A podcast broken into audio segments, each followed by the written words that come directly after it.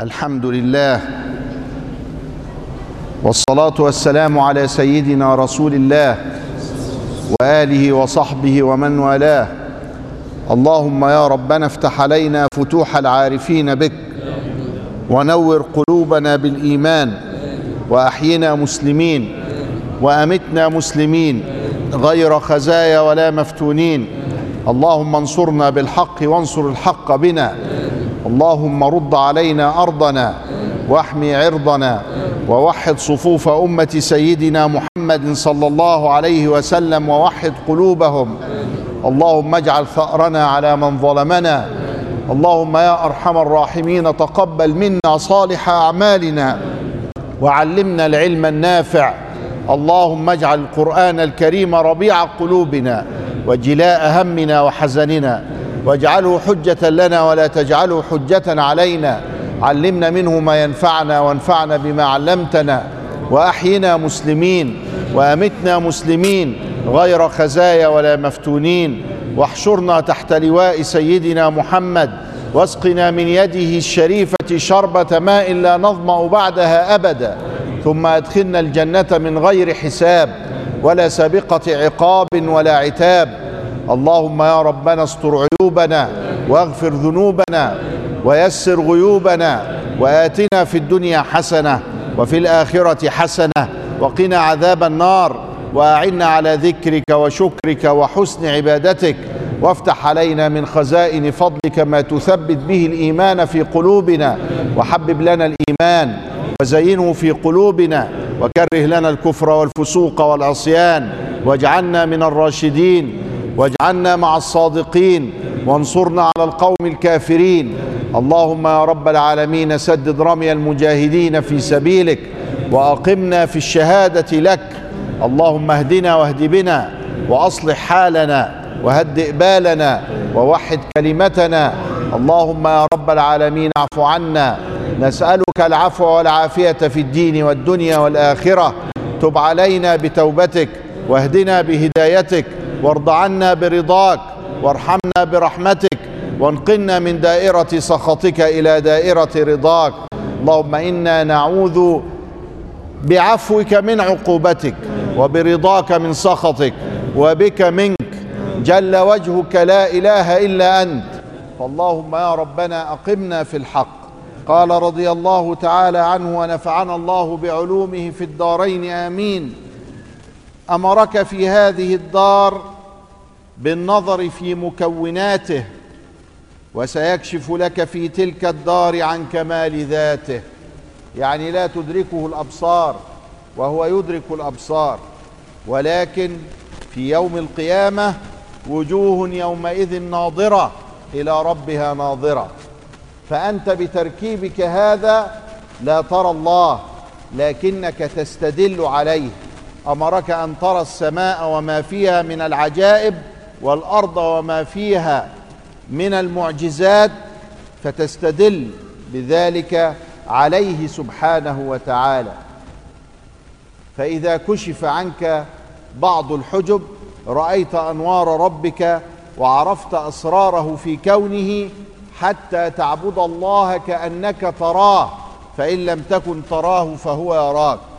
فإذا انتهى الحجاب الأعظم وهو بقاؤك في هذه الحياة الدنيا بما فيها من كدر ونكد وبما فيها من عدم خلوص وبما فيها انشغال بالمكونات التي كونها الله عن المكون سبحانه وتعالى من شدة غفلة الإنسان ولنسيانه كما نسى أبوه آدم وما سمي الإنسان إلا لنسيه وما أول ناس إلا أول الناس.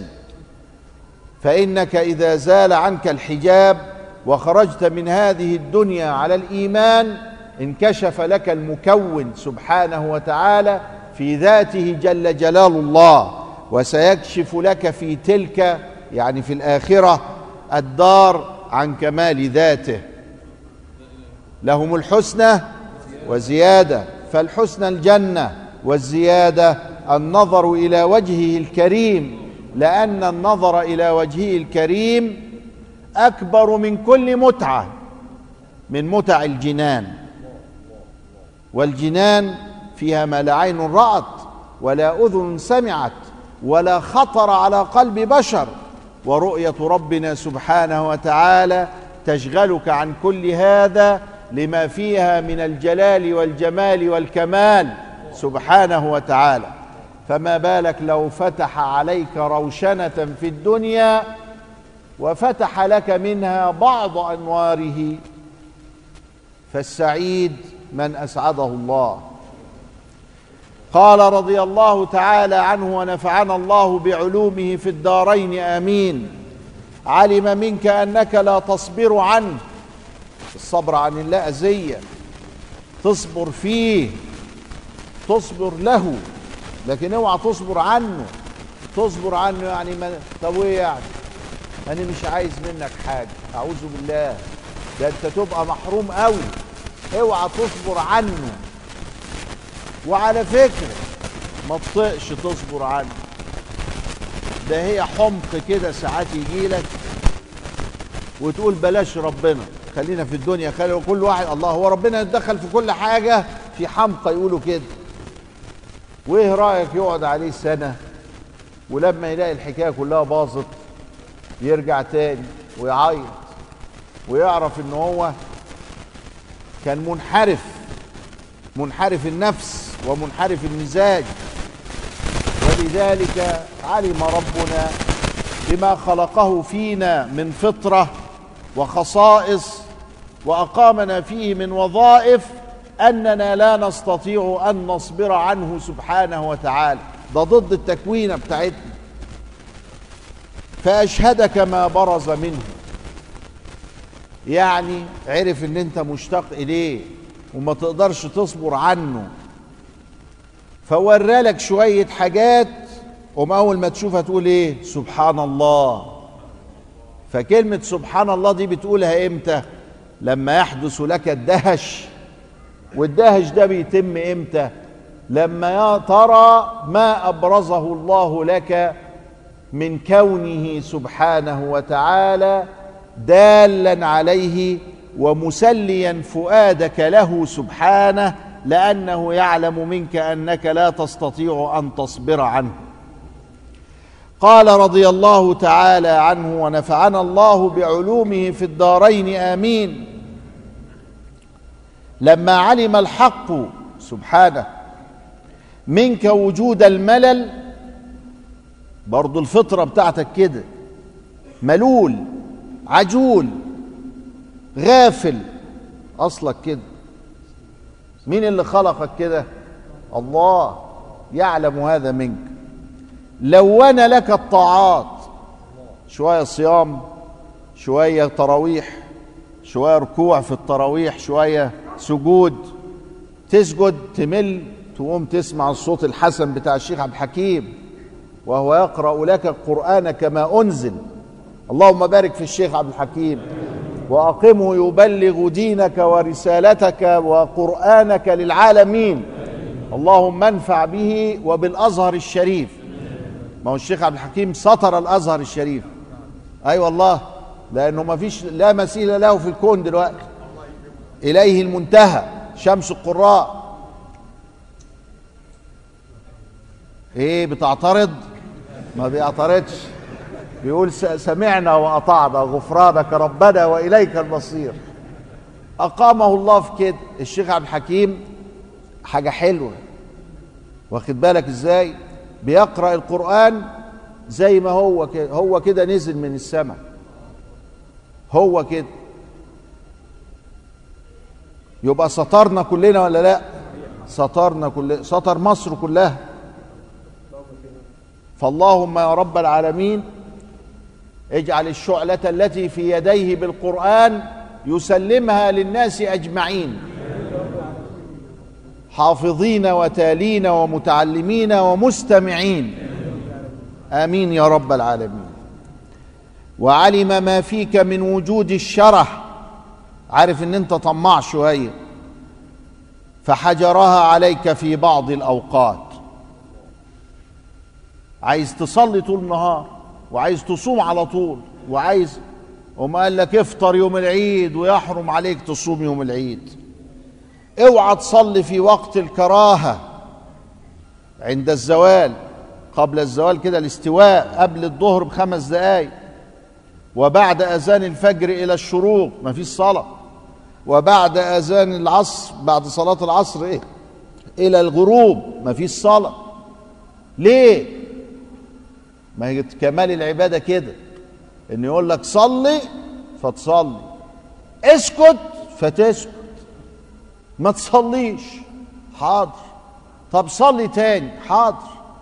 سمعنا وأطعنا. دي حقيقة العبادة. أما تصلي على مزاجك وتصوم على مزاجك ألا إني أصوم وأفطر وأقوم وأنام وأتزوج النساء ومن رغب عن سنتي فليس مني صلى الله عليه وسلم. ليكون همك إقامة الصلاة لا وجود الصلاة في فرق لما إنك أنت مقيم الصلاة ومن إنك محدث للصلاة. محدث للصلاة يبقى على هواك مقيم الصلاة يبقى على أمر الله. إمتى تكون على أمر الله؟ عندما تنفذ أوامر الله فيك فيها. اتوضأ حاضر. استر العورة حاضر. استقبل القبلة حاضر. ادي إقامة الصلاة. لكن إذا كنت عايز أصلي على كيفي ممكن أخلي السجود قبل الركوع واتوضى بعد الصلاة بلاش قبل الصلاة وأشوف القبلة فين وأحطها في ظهري. ما ينفعش مش إقامة صلاة دي. لأن ما فيهاش طاعة ده فيها هوى. ده انت عايز تصلي على مزاجك. لكن لا ده هو أراد أن تصلي له وأن تعبده كما أراد لك ما تريد. ما هي دي بلوة إبليس. اسجد لآدم. قالوا لا أنا أسجد أسجد لآدم إزاي؟ أسجد ليك أنت وحدك. لا شريك لك. الله؟ انت بتتحنشص زي بعض الإخوة كده. بعض الإخوة يتحنشصوا كده. غلط. دي بدعة إبليسية. ده تعبده كما أراد لا كما تريد. اوعى تعبده كما تريد أنت. يبقى أنت بتعبد هواك. قال رضي الله تعالى عنه ونفعنا الله بعلومه في الدارين. آمين. الصلاة طهرة للقلوب من أدناس الذنوب. الصلاة بتغسلك. تخليك زي التوب الأبيض بعد غسيله. بالمساحيق الفلانية الصلاه دي واستفتاح لباب الغيوب. وبتعمل حاجة تانية. بعد ما بتطهرك على فكرة بعد ما بتبقى طاهر تبقى مستجاب الدعاء. تبقى مؤهل إنك تمد يدك إلى السماء يا رب فيستجيب الله دعائك لو إن صلاتك كانت على تمامها وإقامتها من كونها تامة في أركانها وشروطها ومن كونها خالصة لله رب العالمين ومن كونها ناهية لك عن الفحشاء والمنكر. إن الصلاة تنهى عن الفحشاء والمنكر ولذكر الله أكبر. أكبر من الصلاة ذكر ربنا. يعني هو الأساس. فاذكروني أذكركم واشكروا لي ولا تكفرون. والمهمة التانية بتاع الصلاة تفتح عليك. ما إحنا بندعي بيقول اللهم افتح علينا فتوح العارفين بك. تفتح لك الغيوب تخلي قلبك شفاف تخليك ذكي تشيل السحابة اللي على عينيك ولا على دماغك. ما تخليكش تفكر غلط. تخليك شايف الأمور على حقائقها. يجي ده يوسوس لك بكلمة من هنا وبكلمة من هنا أنت شايف الحكاية واضحة قدامك وقلبك مستقر بيها. يجي منين ده؟ من الصلاة. الصلاة تامة الأركان والشروط. الصلاة طهرة للقلوب من أدناس الذنوب واستفتاح بتفتح لباب الغيوب. إزاي يتفتح عليك باب الغيوب؟ تلاقي تلاقيك فاهم. تلاقي روحك كده ذهنك صافي وفاهم. فاهم الحقائق. لكن الصلاة لما تنور القلوب قوم يرحم الخلق. ارحموا من في الأرض يرحمكم من في السماء. الصلاة لما بتنور القلوب وتفتح باب الغيوب يبقى فيها نوع من أنواع التواضع لله ما انت بتسجد بتخر من فوق كده لربنا. ولا يسجد لله اليوم في الأرض إلا المسلمون. والحمد لله رب العالمين. الأمة الوحيدة اللي بتسجد لربها هم المسلمون. يبقى دول اليوم صلاة دول؟ اللي بيروعوا الناس في البيت الحرام واللي بيقتلوا المسلمين ويهيروا دماءهم لا ده عالم حقد حسد بيلفوا حوالين روحهم أغبياء أغلق عليهم بل أغلقوا على أنفسهم. الصلاة محل المناجاة. الصلاة محل المناجاة. أحسن حاجة تناجي فيها ربك وتلتجئ إليه وتبكي بين يديه هي الصلاة. وهو عملها لك وعلمها لك من نعمته. ومعدن المصافاة. توصلك كده للصفاء. تتسع فيها ميادين الأسرار. وانت واقف بتصلي تكتشف الأدب في عبادة ربك. إيه الأسرار؟ مش أسرار الكون دي حاجة بسيطة دي. أسرار العبودية. كيف تكون عبدا ربانيا يرضى الله عنك؟ وانت بتصلي قوم يجي لك الحال ده. وتشرق فيها شوارق الأنوار. النور ينعكس في قلبك فتحدث الطمأنينة ألا بذكر الله؟ تطمئن القلوب. علم وجود الضعف منك فقلل أعدادها خلاها خمس وخلى الواحدة اتنين أربعة تلاتة كان ممكن يخليك تصلي خمسين. زي ما في حديث الإسراء والمعراج. لكن عرف إن أنت ضعيف. والخمسين هتصليهم خمسة وعشرين مرة وثلاثة مرة. قال لك خلي خمس. وهي عند الله. خمسون. من كرمه وعلم احتياجك إلى فضله فكثر أمدادها. عارف لو كنت بتصلي خمسين هيمدك بمدد. وبتصلي خمسة هيمدك بنفس المدد. يبقى كريم ولا لا؟ قوي. تقولها من قلبك كده. قوي. ده يقولها مين؟ المجرب اللي شاف ربنا. شافه إزاي؟ بعينه يعني. شافه في الحياة الدنيا. وفي كل شيء له آية تدل على أنه واحد. سبحانه وتعالى. والله تعالى أعلى وأعلم. اللهم اغفر لنا ذنوبنا ويسر لنا غيوبنا. واقض حوائجنا وحوائج المسلمين. وارحم حينا وميتنا وحاضرنا وغائبنا. واجعل جمعنا هذا جمعا مرحوما.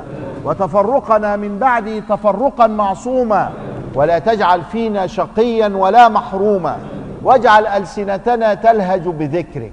وتقبل منا صالح أعمالنا من صيام وقيام وذكر وتلاوة.